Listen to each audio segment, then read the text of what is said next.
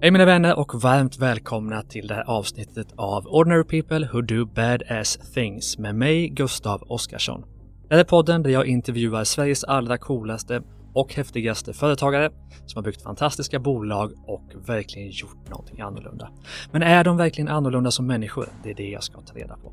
I dagens avsnitt så möter jag Kikki Theander, kvinnan och den härliga människan bakom Middagsfrid som skapade en hel bransch. Jag och Kikki träffades eh, bland annat när vi var ute på mitt företag Turnén för många år sedan. Där hennes föreläsning hette Från nyföretagarcentrum till 100 miljoner.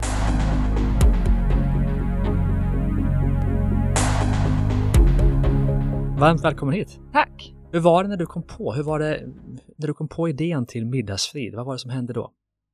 Alltså jag hade varit ganska less på konsultlivet. Jag jobbade ungefär tio år som managementkonsult och kände väl att um, det var ett ganska kvalificerat jobb, jag ska inte klaga och mina barn var små och det var inte läge för att um, ta några större risker. Men sen när jag hade skaffat mina tre barn så hade jag lite grann fått nog och kände att jag ville göra någonting mer. Och började gå som personlig coach. Ehm, och hon gav mig olika hemuppgifter. Och jag ville få valuta för pengarna så jag gjorde som hon sa.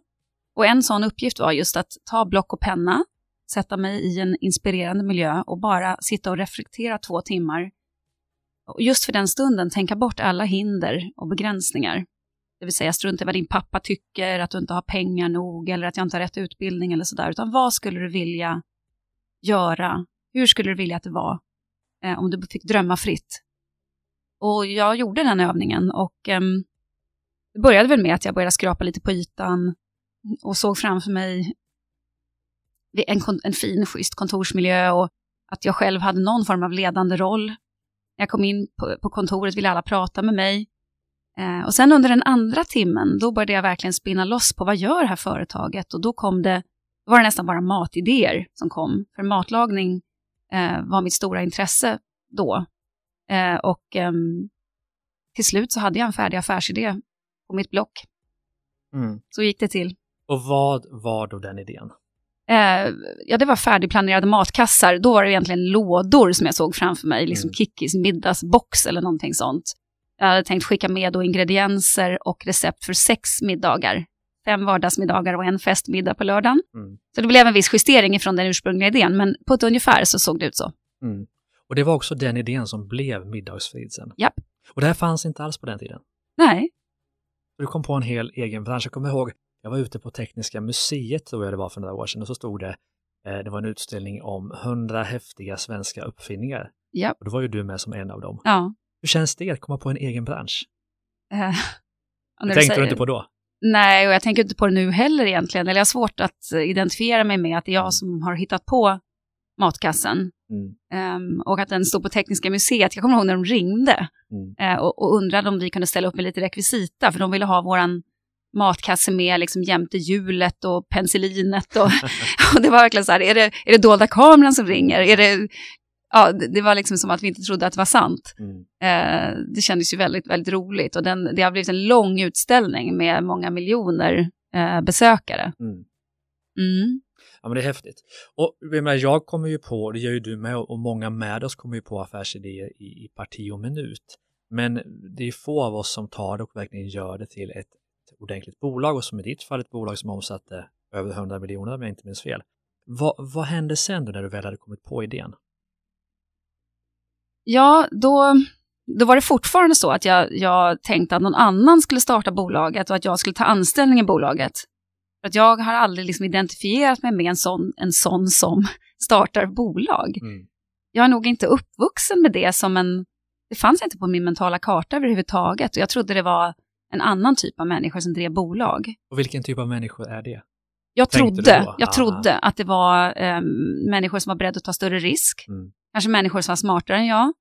Eh, människor som... ehm, ja, jag, kanske, jag, jag såg mig själv mer som en vanlig människa. Mm. Och idag har jag en helt annan syn. Jag vet att företagare är som människor är mest. Mm. De kommer liksom i alla, i alla olika sorter. De kommer i olika sorter, liksom. det är ingen speciell egenskap tycker jag som förenar. Mm. Men fortsätt, hur gjorde ni då? Hur, eller hur tog du idén och gjorde det till, till ett bolag? Ja, först så, så bestämde jag mig och fick en knuff i rumpan både hemifrån då, eh, från min man och eh, andra som jag bollade med. Eh, de bara, det är klart att det är du som ska göra det här. Och, ehm, och även, och, och lyssnade, jag gick kanske inte till föräldrarna, för där vet jag att de kanske inte skulle ha tyckt att det var en bra idé, när jag hade småbarn hemma och allt sånt där. Um, men jag, jag, bestämde mig ganska snabbt för att köra. Uh, och uh, jag måste säga att jag fick idén i maj, jag registrerade bolaget uh, sista, eller, sista juni, eller första juli, och började leverera kassar första oktober. Um, så att man kan säga att den sommaren gick åt till att skissa på hur det här skulle gå till. Um, och jag visste ju att maten fanns, jag skulle inte uppfinna något nytt, jag skulle bara sätta ihop kedjan på ett nytt sätt. Jag visste också att behovet fanns, för att jag och många runt mig just då hade små barn och ja, man såg många omkring mig som kämpade just med den här uppgiften, vad ska vi äta till middag? Mm. Och ville hjälpa dem. Mm. Och ta mig då lite steg för steg, för att idén kom ju först naturligtvis och sen någon form av plan. Men det är inte helt lätt att, att få den omsättningen som ni fick. Vad skulle du säga var de viktigaste nycklarna på vägen för att Middagsfrid ändå blev så pass stort som det har blivit? Alltså jag tror att vårt fokus var jätteviktigt, att inte liksom springa på alla bollar. Eh, jag gjorde ju min hobby till mitt levebröd kan man säga och det gjorde ju att eh, det kändes fantastiskt roligt och det kändes inte ens som att jag jobbade. Eh, och att jobba för, sin, för sig själv är en helt annan upplevelse än att jobba åt, någon an, åt ett annat företag, tycker jag. Eh, men när vi började få lite press i tidningarna att nu kommer en ny tjänst som ska liksom underlätta livspusslet så var det många som hörde av sig och ville att jag skulle lösa även andra problem, till exempel eh, catering till någons 50-årsskiva, eh, komma ut i skolorna och prata om, om bra mat och sådär, men att vi verkligen höll oss på banan och bara gjorde färdigplanerade matkassar och ingenting annat. Det tror jag var jätteviktigt. Mm. Och en annan nyckel var att vi inte um, good enough skulle jag vilja säga. Vi kom upp ut på marknaden med en produkt som kanske idag aldrig hade, som aldrig hade flugit. Um, eller jag menar, den har ju blivit så pass mycket mer raffinerad, eller vad man ska säga mm. nu, när konkurrensen har pressat fram det. Vi släppte ju matkassar med recept helt utan foton till exempel. Mm. Eh, och det var för mycket text i recepten. Eh, första leveransen gick ut i kassar i ICAs kassar. Det var inte så roligt när vi hade beställt våra med vår egen logga, men de hade inte hunnit komma från tryckeriet. Mm. Eh, och då tänkte vi, nej vi kan inte liksom vänta på att allt är perfekt, utan det får bli, eh, vi får satsa på, förbättringar under resans gång istället. Det tror jag också varit en nyckel, mm. eh, en framgångsfaktor faktiskt, att, mm. att ehm, våga gå ut med en produkt eller en tjänst som inte är perfekt. Mm. Jag blir så nyfiken då på vad det var som just att, gjorde att du lyckades. Och kan det vara så att tajmingen spelade en viktig roll? Ja, jag tror både tajmingen i mitt eget liv, det vill säga mm. att jag visste att jag inte skulle skaffa fler barn. Mm. Eh, men du, du hade ändå små barn? Jag hade små barn, men jag visste att jag inte skulle, skaffa fler och skulle mm. behöva vara mammaledig ett år. Mm. um, det, det, tror jag var en grej, men också självklart tajming med att vi började handla på nätet och att det var lättare att komma ut mm. eh, än vad det hade varit tidigare kanske. Um, men tajmingen i mitt liv där jag själv kunde identifiera mig med målgruppen, det, mm. det tror jag var viktigt. Just det. Och varför tror du att just du lyckades med allt detta? Um, För det är många andra som har haft idéer som absolut inte har lyckats. Vad är det? Är det någon speciell egenskap hos dig som har gjort att just du lyckades? Tänker du på något annat sätt? Vad det, kan det vara? Det tror jag faktiskt inte.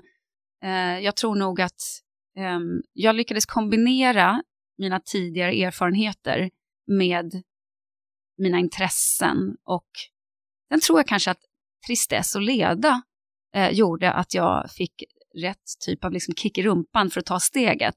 Mm. Men jag tror inte att jag skiljer mig från hur människor är mest, utan jag tror att nästan vem som helst skulle kunna ta en affärsidé till marknaden. Mm. Och det håller jag ju inte med.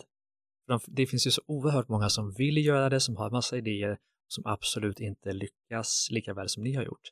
Så det måste väl ändå finnas någonting där. Var det att ni jobbade hårt? Var det att ni hade ett, någon mentor som hjälpte er? Var det att ni var ett team som var starkt? Vad var det som gjorde skillnad? Alltså vi var ju ett team. Eh, Viktor då, min man och kompanjon eh, på den tiden, han lever inte längre, eh, men han, han, hade ju, han hade jobbat med liksom prenumerationstjänster och kundlojalitetsprogram, mm. affärsutveckling Och, jag, och vi hade båda managementkonsultbakgrund och jag hade ett brinnande intresse för matlagning. Eh, och sen tror jag också mina styrkor eh, inom kommunikation, alltså jag har väldigt lätt för att skriva och vara pedagogisk. För det här, det här innehöll, eller det här krävde en hel del pedagogik. Liksom hur ska man på ett enkelt sätt eh, få ut det här konceptet? Alla måste ju förstå vad det går ut på. Eh, sen, sen tror jag också vi var bra på, eh, på att räkna. Eh, det här gick att skala upp mm. Eh, på ett väldigt bra sätt. Jag skriver en meny för en vecka och den går att multiplicera med tusen utan att det innebär någon extra kostnad så att mm. säga. Um, vi hade jobbat mycket med liksom processutveckling innan och det fick vi ju stor nytta av. Så jag tror bara att vi lyckades kombinera våra styrkor emellan. Så sen tror jag också att kombinationen oss emellan var ganska bra, för jag, han var mer riskbenägen och jag var mer en bromskloss och det blev en ultimat kombination, mm. eh, tror jag. Um, så det är svårt att säga. Ja, men, och det är det ju alltid. Det är lättare att säga i efterhand än in. Man vet ju aldrig i förväg vad som kommer att lyckas, men om du ser på det i efterhand, var det kanske primärt tajmingen, var det teamet, var det affärsidén, var det er distribution, logistik, vad var det som var absolut viktigast? Jag tror absolut att det handlar om att få ihop alla de där delarna. Mm. Det, det, går inte att bara jobba front-end heller, liksom att um, och det fick vi ju lära oss den hårda vägen också, att uh, vi måste också titta på kostnader och inte bara så att säga växa och sälja, och, och, och, utan göra det liksom på ett stabilt sätt och ha koll på, på, på sina pengar. Uh, och när konkurrensen hårdnade så, så kanske vi lärde oss lite, lite, lite hårt att vi borde ha sparat mer mm. när vi hade goda tider. Men, men um, det är klart att det, det går inte att sticka under stol med att det har väldigt stor betydelse att ha stöd hemifrån. Mm. Um, att vi var i det båda två och att det var vår gemensamma ekonomi. Uh, att gå ihop två kompanjoner där man har väldigt olika förutsättningar kanske som, och vänner, det kanske är lite tuffare. Mm. Ja, men det är väl klart att det kan ju vara att ni var först, ja, det måste ju ha varit en väldigt viktig framgångsfaktor naturligtvis. Var det, tror du, helt avgörande? Um, att ni var först på bollen? Nej, jag tror ju att um, vi fick väldigt mycket gratis PR på mm. grund av att vi var först. Mm. Uh, det, det, finns många fördelar, men det mm. finns också många fördelar med, fördelar med att vara följare. Uh, för att allt, nä, nästan allt vi gjorde var kopierbart. Um, så att uh, vi, ja, vi bjöd ju in till konkurrens, eller det är ju spelets regler. Mm. Och det var ganska lite som gick att hålla för sig själv. Um, när vi, vi hittade ju smartare sätt att jobba med provkök till exempel och smartare sätt att packa kassarna. Um, det är sånt vi kunde hålla för oss själva, men allting annat gick ju ut. Alla kunde titta på recepten mm. och, och, se och titta på hur vi formulerade våra villkor och eh, öppettider i kundservice och hur vi hanterade kunder och sådär. Så, att, så att det var inte så mycket som nu tappade jag frågan. Vad var din fråga där? Ja, om det var mm. first mover advantage som ja, var viktigast. Nej, ja, jag, jag, kan säga så här, med facit i hand så kanske mm. jag hade lagt mig um, mer i mittfåran prismässigt. Mm.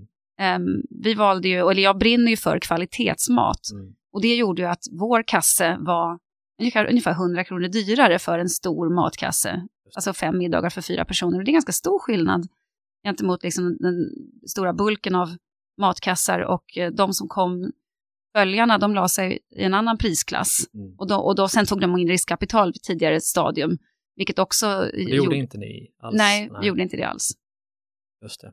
Men du, hur har du behövt ändra dig för från att gå då från att få en idé och att tänka att nu ska jag starta bolag till att driva ett bolag som omsätter 100 miljoner. Hur behövde du förändra dig som, som människa? Alltså jag är nog ingen riktig affärskvinna i min själ, så det behövde jag ju ändra. Ehm, jag vill göra saker som känns meningsfulla, jag vill gärna bygga kunskap, sprida kunskap, jobba för den goda saken. Ehm, och det är inte alltid helt förenligt med affärsmässighet. Ehm, men är man ett företag, då måste man ha klart för sig, liksom, köpa billigt, sälja dyrt uh, och att tjäna pengar. Det är vad ett företag handlar om. Mm. Och um, det kan gälla allt, allt ifrån att liksom hålla ner kostnader till att göra saker saker som jag ville göra kanske inte gick att räkna hem. Mm. Ett exempel på det är ju när vi um, valde att klimatkompensera hela vår verksamhet, jag tror att det var 2010. Det blev en otroligt dyr satsning som vi absolut inte hade råd med. Um, man kan inte börja ge bort pengar innan man har tjänat dem. Mm. Och det här var, det skulle tas en viss procent på omsättningen, men det hade varit smartare att säga att viss procent av det vi har tjänat, sista raden, ska vi Mm. satsa på ett koldioxid, koldioxidreducerande projekt i Kenya. Ehm, ja, det, det är ett exempel på en lärdom som, som eh, ett misstag som jag inte skulle göra om. Mm. Ja, men verkligen. Men om vi tar oss tillbaka till dig då, om du fick säga en eller kanske två superkrafter som du har som person, som ändå har varit avgörande för din framgång i, i businessen, vad skulle det vara? Eh, Jag fick ju några frågor åt, åt att förbereda inför den här podden och den frågan fastnade jag lite på för jag tycker inte att jag har några superkrafter. Mm. Ehm, Jag tänker att du har det, så du får tänka till. ja, nej men jag, jag har väl, jag har ju mina talanger och Mm. mina styrkor. Mm. Eh, och jag tror kanske att ehm, ja, det är någonting med när jag, jag upplever nog att jag har en tendens att få folk att följa mig. Mm. Eller liksom att, och jag menar inte nu bara följa sociala medier, men jag upplever att när jag pratar så lyssnar folk. Mm. Och det är ju någonting som jag måste, en, en gåva som jag måste vårda och använda till rätt saker. Och därför tänker jag också att ehm, en sån superkraft är väl att när jag ser någonting som i samhället som det här måste jag göra någonting åt och ingen annan gör något, Mm. då måste jag göra det. Mm. Det, känns, det blir nästan som ett kall. Mm. Och det som gjorde att jag startade eh, Middagsfrid, där upplevde jag att jag såg att dels så kämpade ju många med den här middagsfrågan, men också att utvecklingen gick åt fel håll. Vi äter sämre och sämre mat, det är mer och mer tillsatser i maten. Allt färre vet hur man lagar mat från scratch. Folk äter för lite grönsaker. Alltså, alla de här så, frågorna kunde jag eh, på något sätt adressera i min roll som, som eh, vd för Middagsfrid. Det blev Mm. en plattform för mig där jag kunde, kunde mm, driva viktiga frågor. Mm.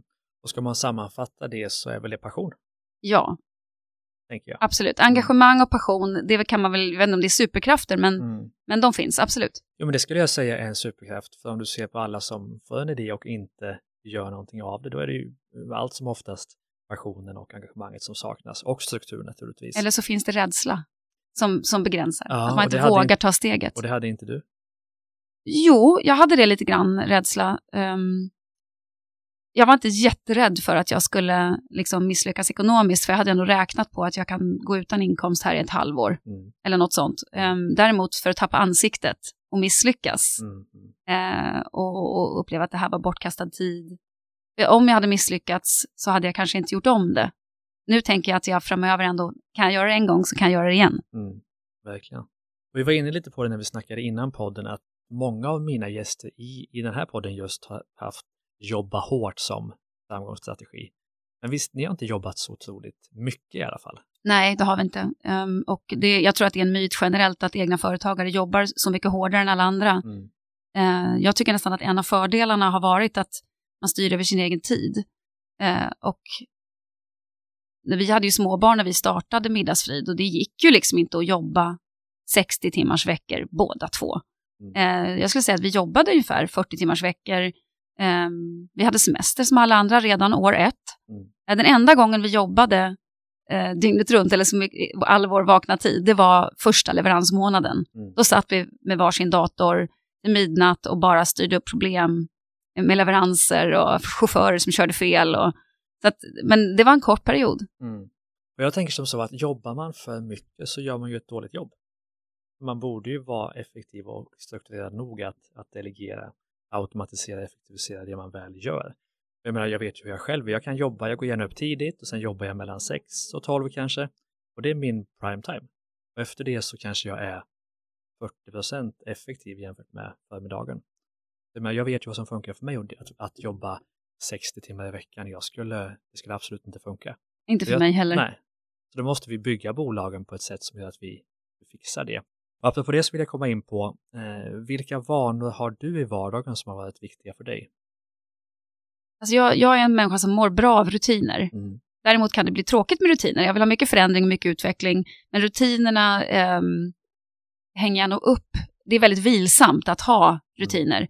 Eh, jag går upp eh, tidigt även när jag är egen företagare och speciellt sen när, när vi fick många anställda så, så är det klart att eh, jag, jag, jag jobbar inte bara när jag känner för det utan jag vill ju vara där när medarbetarna är där och så. Men, men någonting som jag, en rutin som jag har som är väldigt viktig som jag har haft nu i nästan 20 år det är att jag Mm. mediterar varje morgon, Just det. Och eh, kvart, 20 minuter 30 minuter. varje dag. Ja, minst. Och sen ibland även på eftermiddagen. Ja, och det är det första du gör varje dag? Ja, efter att jag har duschat. Ja. Jag vaknar till först. Ja. Mm. Jag håller ju på lite med meditation, men jag är en glad amatör. Tycker det är fantastiskt eh, på många sätt. Men jag är ju ingen expert som du. Hur lägger du upp meditationen? Nej, jag, jag skulle inte beskriva mig som en expert. Nej, men jag, jag, jag har en speciell metod. Jag gick en kurs då 1999. Ehm, innan det var inne? ja, precis. Det kanske inte var inne då. Eh, jag vet att för mig var det mer som att jag var tvungen att göra någonting för jag hade problem med stress och jag Mm. hade provat allt annat. Nu tänker jag, nu ger jag det här en chans. Mm. Och jag tänker också så här, det är inte en slump att meditation finns ehm, i alla stora religioner och det är en, någonting som har funnits i tusentals år och utövas över hela världen. Och eh, när jag tittade på det också, det finns ju väldigt tydligt forskning på med- meditationens alla fördelar. Eh, men det, det kräver en viss disciplin att komma igång. Mm. Men jag fick så otroligt stora vinster av det. Att för mig har det aldrig varit frågan om att lägga av med den vanan. Det har varit jätte, jätteviktigt. Mm. Och vilken teknik använder du? Eh, Jag gick eh, Deepak Chopras eh, och lärde mig den på, Mm. på Axelssons massageinstitut, hade då en helgkurs. Jag själv använder ju en app som heter Headspace, vilket är en guidad meditationsapp. För de som lyssnar nu så är det en rekommendation för att komma igång kan man säga. Mm. 10-20 minuter om dagen och du blir guidad genom meditationen. Så det är ganska enkelt då att, Mm. att få det som en vana.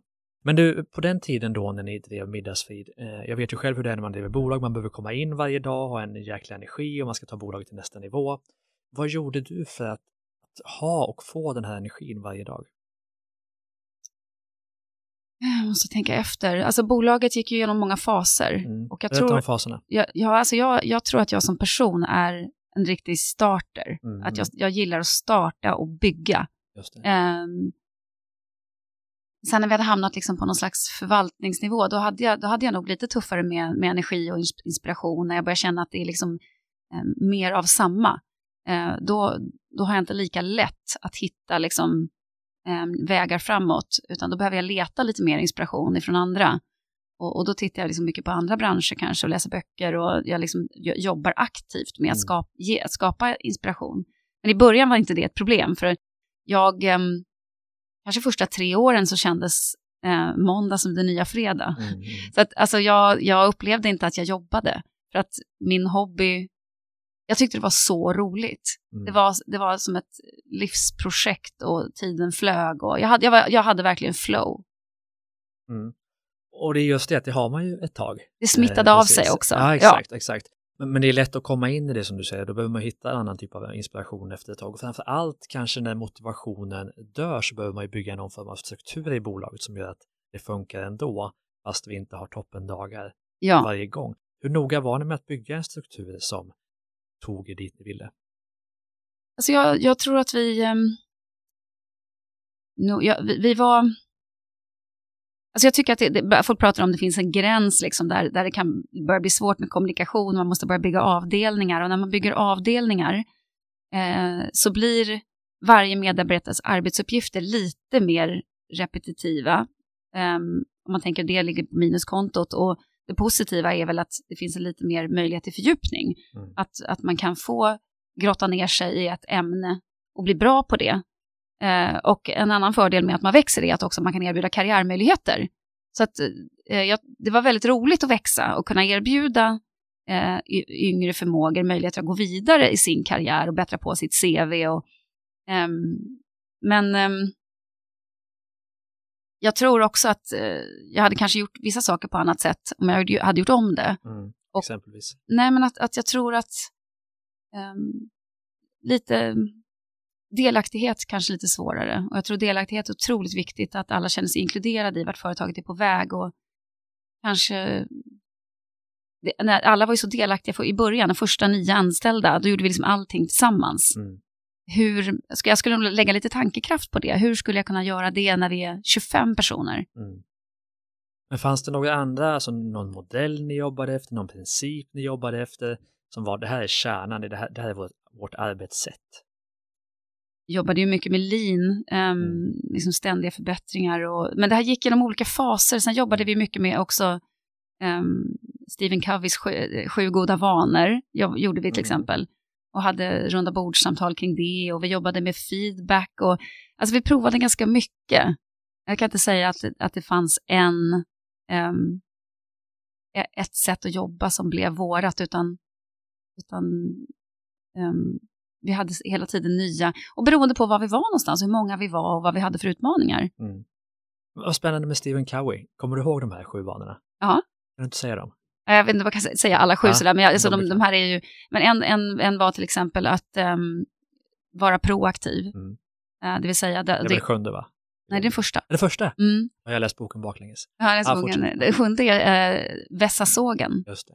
Eh, Men att vara proaktiv, att man till exempel då eh, som anställd i ett mindre bolag söker uppgifter Mm. Eh, och alla har ett ansvar att, att se om någonting är fel. Och det tycker jag vi visade väldigt väl att vi gjorde när ehm, vi hade ett, ett utbrott av makrillförgiftning ganska tidigt i våra bolagshistoria där ehm, vi bara hade sommarpersonal på plats. Vi själva var på semester tror jag det var. Eh, och började förstå att några hade, det här var ju inte vårt fel, utan det var någon leverantörs ky- kylaggregat som hade gått sönder, men vi lyckades ringa in problemet och kontakta alla kunder eh, så att inte fler fick i sig, ja, det var fisk i det här fallet då, eh, fick i sig den här fisken. Eh, och det, det var egentligen ingens bord, vi hade aldrig, det här hade aldrig uppstått förut, men ändå var alla så pass proaktiva att, att ehm, vi lyckades begränsa den här skadan rejält. Vilket en, en vanlig mataffär aldrig hade kunnat göra, för de vet ju inte vem som har köpt fisken. Mm. Det visste ju vi. Um, nej men eh, de, Stephen Covey, ja, nu vet, jag har dem inte som ett rinna, men Mhm. de sitter lite i ryggraden. Mm. En, en sån är till exempel också, eh, jag kan det mest på engelska, men att, att först försöka förstå att, och sen som nummer två att göra sig förstådd. Mm. Det vill säga lyssna mer än du pratar. Mm. Eh, just att, att lyssna och inte tro att man vet vad medarbetarna tänker. Mm. Eh, det finns så mycket i de där vanorna som, som går att tillämpa på företagande och på hela sitt liv. Mm. Jag är så nyfiken på, alltså jag vill ju verkligen komma in i ditt huvud, det är ju mitt mål med Ja. den här podden. Vad, men vad, vad tror du på, alltså vad tror du på personligen som andra tycker är galet? Ehm, eh, det finns till och med grejer som jag tycker är så galet så jag, jag inte ens vill säga. Eh, nej, inte just här. För Okej. att eh, jag, nej, men då, det, det är så pass känsliga saker. Okej. Eh, men ehm, ja, vad skulle det kunna vara? Nej, men att meditera tycker väl en del är liksom kanske bortkastad tid. Jag vet inte. Mm. Nej, Men om, om vi vänder på det då, vad tror du inte på som alla andra verkar tro på eller hålla på med? Vad jag inte tror på? Ja. ja men det är det Som här alla med andra, ja. Ja, nej men att, ehm, att, att jobba över till exempel. Mm. Att, att alla måste jämt jobba, det här med heltid. Det kanske är också för att jag just nu är i en situation där jag har svårt att jobba um, en full tid. Mm. För att min privatsituation är ganska ansträngd. Mm. Eh, och att det måste ju finnas en plats även för, eh, för perioder i livet där man kanske inte kan ge lika mycket som andra perioder. Ja, ja, ja, och, sen, sen, sen, och en, någonting som är galet är också att jag tycker att ehm, Ja, jag, jag, mina, en av mina nya stora hjärtefrågor är ju smartphone-användningen i samhället och hur den påverkar oss människor negativt. Eh, och där vet jag att jag är ganska ensam om att jag tycker att man kanske inte ska ha mobilen på i möten bara för att barnen kanske ska kunna ringa. Men jag vet att bland eh, 30-40-åringar som har småbarn så tycker de att det är fullkomligt självklart att de måste kunna bli nådda 24-7 när man har barn. Eh, och det ja, jag, jag ifrågasätter det.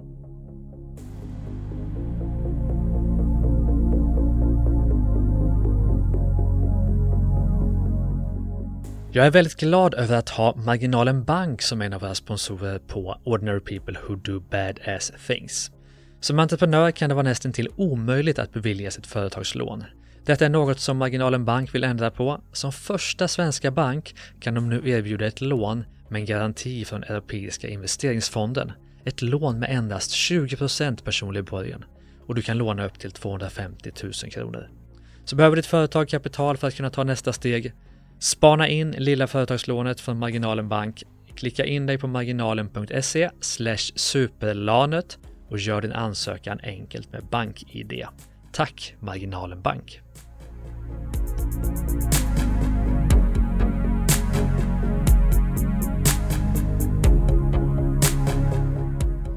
Det här avsnittet sponsras av Soundry. För du kanske också driver en butik, restaurang, café eller någon annan typ av företag och är trött på att betala avgifter till STIM och Sami. Soundry är den nya musiktjänsten för företag. Alla artister i Soundrys bibliotek står utanför alla upphovsrättsorganisationer, vilket innebär att du inte behöver betala någon avgift till varken STIM eller Sami. Soundrys musikexperter har i över 10 års tid jobbat med professionella artister och producenter. Och spellistorna är speciellt sammansatta för att passa olika typer av branscher och företag. Och de uppdateras förstås regelbundet. Soundry kostar bara 169 spänn per månad, så du sparar både tid och pengar kan man väl säga. Soundry, vi är glada för att ni har plockat fram ett prova på-erbjudande enbart för er som lyssnar på den här podden. Gå in på soundry.com podd. Det är alltså Sune, Ola, Uno, Niklas, David, Rickard, Yngve.com, soundry.com podd och signa upp så får ni en hel månad med gratis musik. Tack Soundry för att ni är sponsor av det här avsnittet.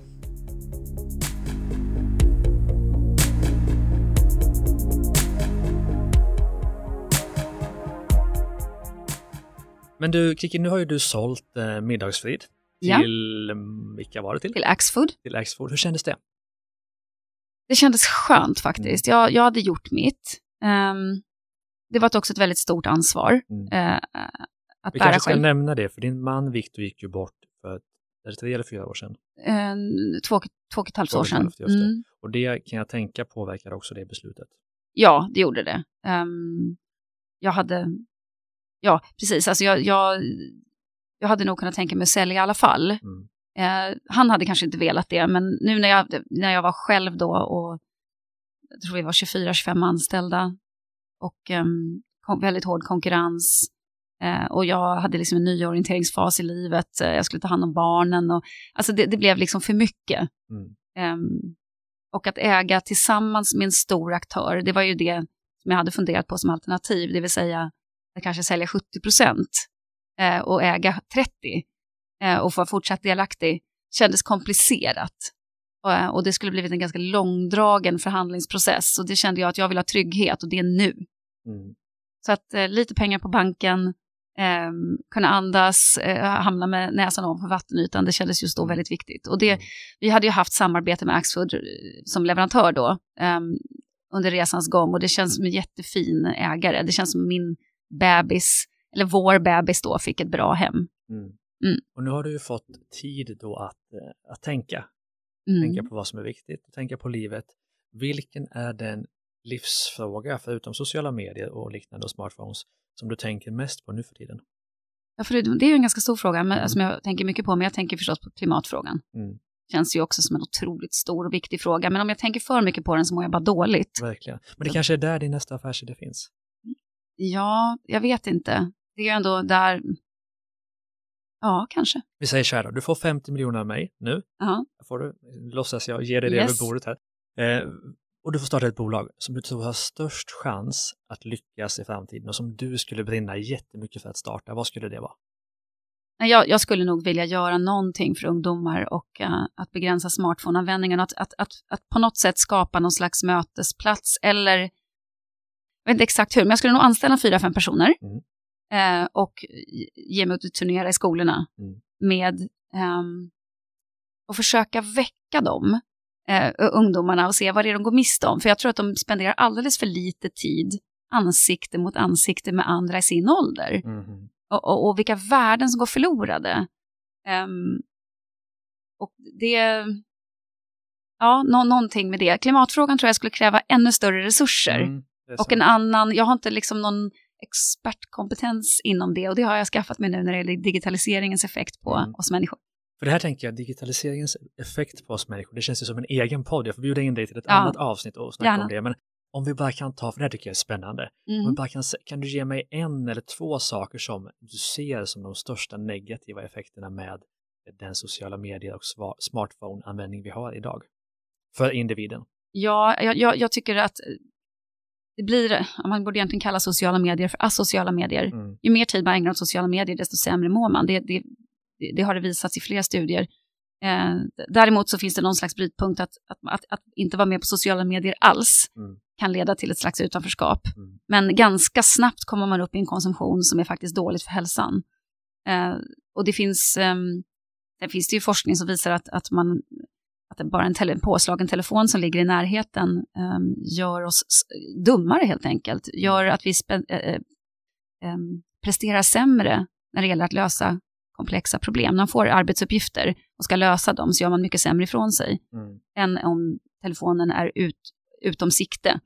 Så att det, det är, den tar av den mentala bandbredden, så mm. tror jag eh, Anders Hansen skriver i sin bok eh, om den så, skärmhjärnan. Eh, Katarina Gospic har också skrivit böcker om det här, att just att den tar av, av hjärnkapaciteten bara av att synas. Och det påverkar också relationen mellan människor. Eh, vilket jag tror är otroligt känsligt när man är eh, ung människa, tonåring, när man behöver lära sig de sociala koderna och träna på varann, att bli empatisk. Alltså empatin har ju sjunkit med liksom, jag kommer inte ihåg exakt siffran, men under de senaste decennierna har det sjunkit drastiskt mm. hos unga människor. Mm. Och, men det här är ändå en företagspodd, eh, så vi kan ju inte eh, fastna för mycket i, i ungdomen, även om vi gärna hade gjort det såklart.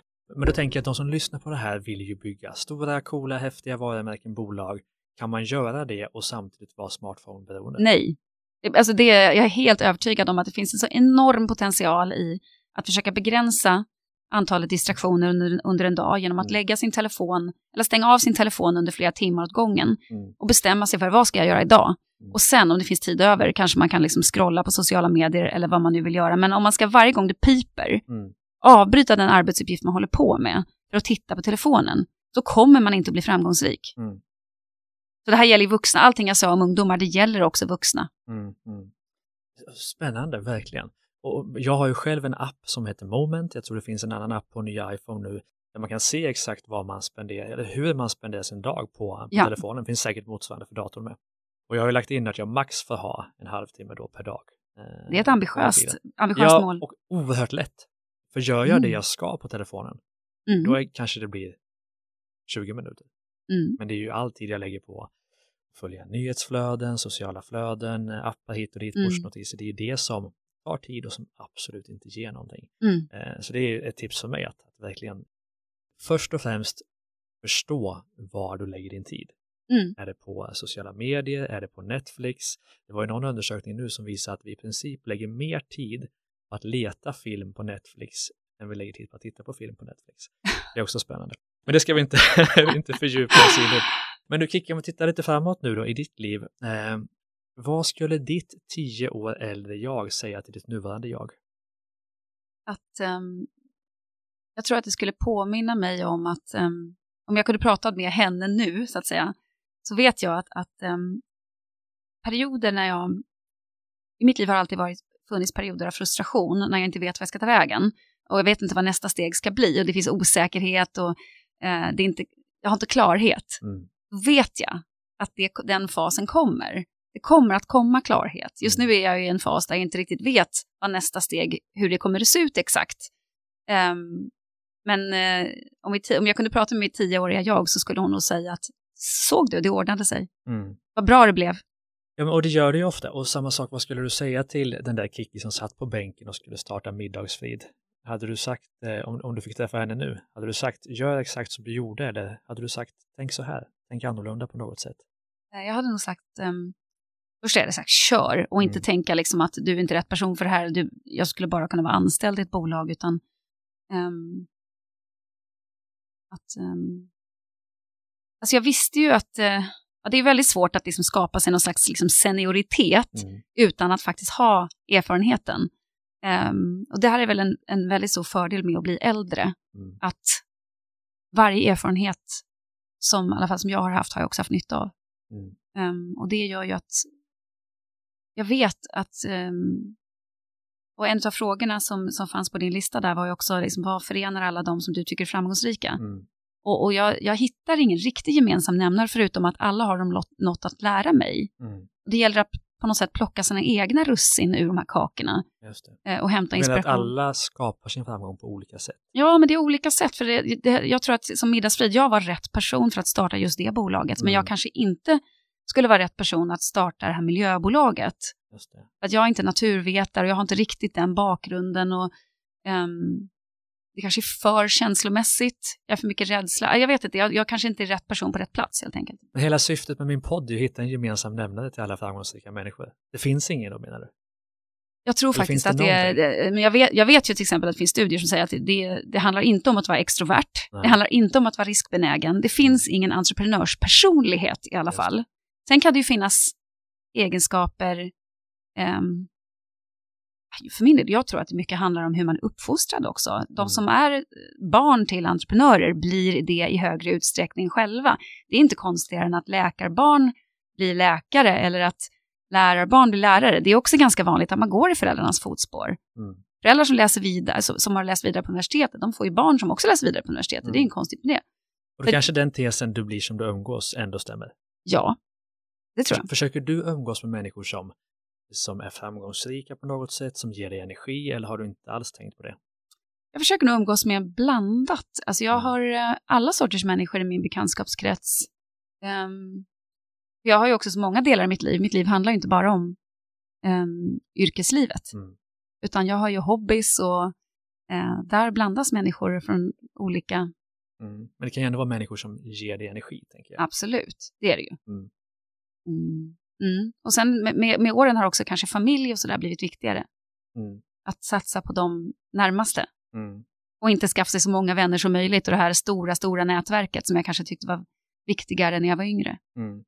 Men nu ska du få en möjlighet av mig. Ja. Nu ska du få eh, berätta om tre personer, levande svenska personer, som du hemskt gärna skulle vilja bli kompis med. Apropå det här med att man blir som man umgås. Mm. Ja, eh, jag skulle vilja bli kompis med Oprah. Ja, hon är inte svensk, men du, du får... Jag sa du svenska Ja, människor? men vi kan ta svenska. Men Oprah kan vi ta som ett bonuskort då. Ehm, ja, jag vill ju gärna Jag bli... känner inte Oprah nämligen, Nej, jag kan jag, svenska människor som jag blivit kompis med.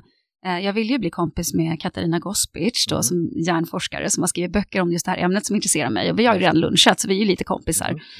Ehm, svenskar som jag... Um, ja, förlåt, nu står det lite still. Um. Känner inte igen den, att den frågan fanns med bland förberedelsefrågorna. Men, men Kan eh, kanske, kanske Greta Thunberg. Ja, men hon är, är, ju, spännande. Ja. Verkligen. Ja. Det känns Har du träffat henne? Nej, jag har inte träffat Nej. henne. Eh, men jag märker ju att hon går hem hos, hos jämnåriga. Ja. Och det känns ju bara... Och jag tänker att jag kanske kan bidra med lite senioritet som hon inte har. Mm. Eh, och eh, hon kanske kan ge mig eh, en nyckel till hur man når eh, de här som, som flyger på semester fyra dagar till Provence. Liksom. Mm. Alltså min kör ska åka fyra dagar till Provence. Jag tycker inte att det, det, det, det, är, inte, det är inte rimligt Nej. att flyga så många människor för fyra dagars semester, eller för fyra dagars liksom, eh, där måste vi, det måste vi sluta med. Mm. Verkligen. Så då tänker jag att du och Greta Thunberg tillsammans Mm. och en affärsidé och 50 miljoner, Mm. då skulle det hända saker. Ja, det kanske det skulle. Ja, vad spännande. Och sen, och sen kanske vi ska med någon naturvetare också som kan någonting om Ja, ämnet. precis, precis. Vem skulle det vara? Nej, men jag tänker på någon mera liksom eh, Rockström eller alltså någon som, eh, någon som har lite mer, någon professor eller någonting Ja. som har liksom kött på benen vad gäller själva problemet. Just det. Mm. Vad spännande, då har vi nog en lösning. På, på världens alla bekymmer tänker jag. Men du, vad är det vi har missat att snacka om nu på det? Vi har ju gått igenom hur du fick idén till Middagsfrid, vi har gått igenom vilka strategier ni använde er av, eh, hur ni byggde teamet. Vad är det jag har missat att fråga om som har varit avgörande för det som du har varit med och byggt? Ehm, um, jag, jag, en grej som, som eh, jag tror är en framgångsfaktor, och det var lite det här du sa, hårt jobb. Jag menar inte då hårt jobb, men att make or break för ett företag och att företag är framgångsrikt, det handlar ju ofta, det här det handlar ju inte om att man gör en eh, lyckad kampanj, Mm. eller att man, gör, man slutar ett bra avtal, eller att man lyckas med en grej, utan det handlar ju faktiskt om ehm, det man gör varje dag. Mm. Så lite grann är ju det här gnetandet ändå, att ha uthållighet, Mm. eh, ändå viktigt för framgång tror jag. Mm. Och att, ehm, att man ser, eh, det kanske inte går att få, den här liksom, halleluja-upplevelsen varje dag, utan att vissa dagar blir gå till jobbet och gneta på. Mm. Och att vara lite bättre än vad man var dagen innan och framförallt lite bättre än konkurrenten. Mm. Just det. Och en sak som ni gjorde så fantastiskt i starten det var att ni fick alla tidningarna att skriva om er. Detta, du hade ju ett knep. Ja, Nej, men en, en sak, jag visste ju inte så mycket om företagande när jag startade och en grej jag gjorde var ju att, att eh, läsa en bok. Jag, läser allt, jag, jag letar ofta efter böcker som, mm. där jag vill ha inspiration. Kan du ge ett boktips? Um, ja, absolut. Jag, jag, jag, jag, De sju goda vanorna av um, Stephen Covey är ju är ett bra boktips för alla. Uh, den boken jag läste, jag tror att den hette De 50 bästa PR-idéerna. Mm. Uh, som jag läste och så gjorde jag som det stod. Mm. Och ett sånt tips i början var att satsa på bra foto. Mm. Uh, och då fanns det ju inte liksom ja, jo, vi hade nog våra första smartphones då någonstans där, men det här var ju 2007 ja, vi, vi anlitade i alla fall en proffsfotograf som fick ta lite bra bilder. Jag, vet, jag ägnade 5 000, eller liksom jag la 5 000 kronor på det här, vilket jag tyckte då var jättemycket. Mm.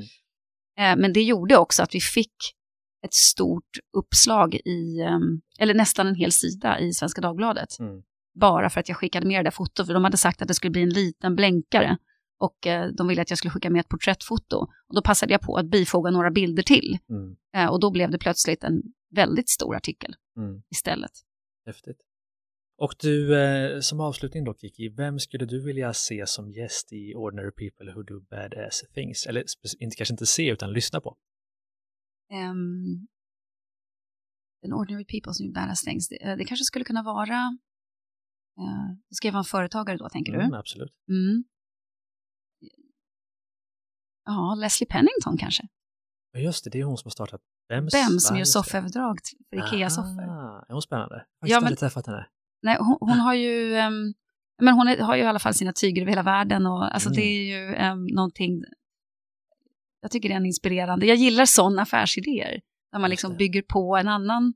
Mm. Uh, sen finns det ju andra sådana företag, de som gör, det finns ett, jag tror att det är ett par som gör knoppar till, roligare knoppar till Ikea-soffor och sängar ah, och sådär som jag inte kommer ihåg vad de heter. Men ja. det är en rätt kul, ett kul sätt att hitta en ny affärsidé. Just det, så Leslie om du lyssnar på detta så är du välkommen till podden naturligtvis. Kiki, vi börjar närma oss eh, avslutningen på det här. Det har varit fantastiskt kul att ha dig med. Jag vill önska dig eh, all lycka till med vad jag tänker kommer bli ett nytt bolag tillsammans med Johan Rockström och Greta Thunberg. Eller? Eh, jag är inte säker på det. Vi får väl se. Mm. Tänker jag, men stort tack för att du ville vara med. Ja, mina vänner, detta var ju alltså ett härligt avsnitt av podden Ordinary People Who Do Badass Things. Den här podden och våra andra poddar, Starta eget-podden och Business Hacks hittar du såklart på driva-eget.se, på Podcaster och iTunes och Acast och allt vad de här poddplattformarna heter. Så prenumerera och lyssna och ge betyg om du gillar podden. Vi avslutar dagens avsnitt med musik ifrån Soundry. Tack för idag!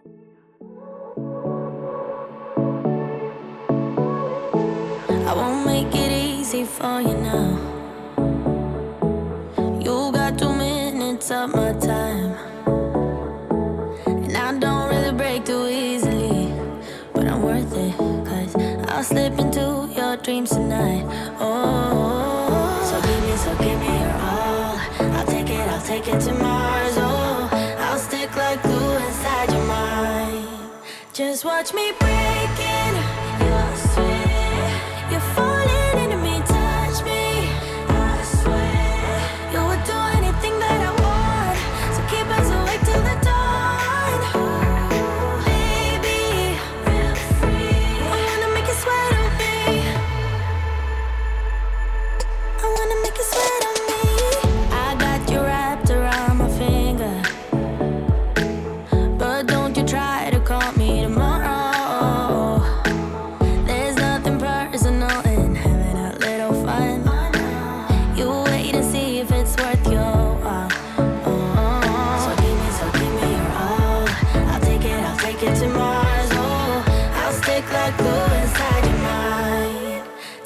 touch me.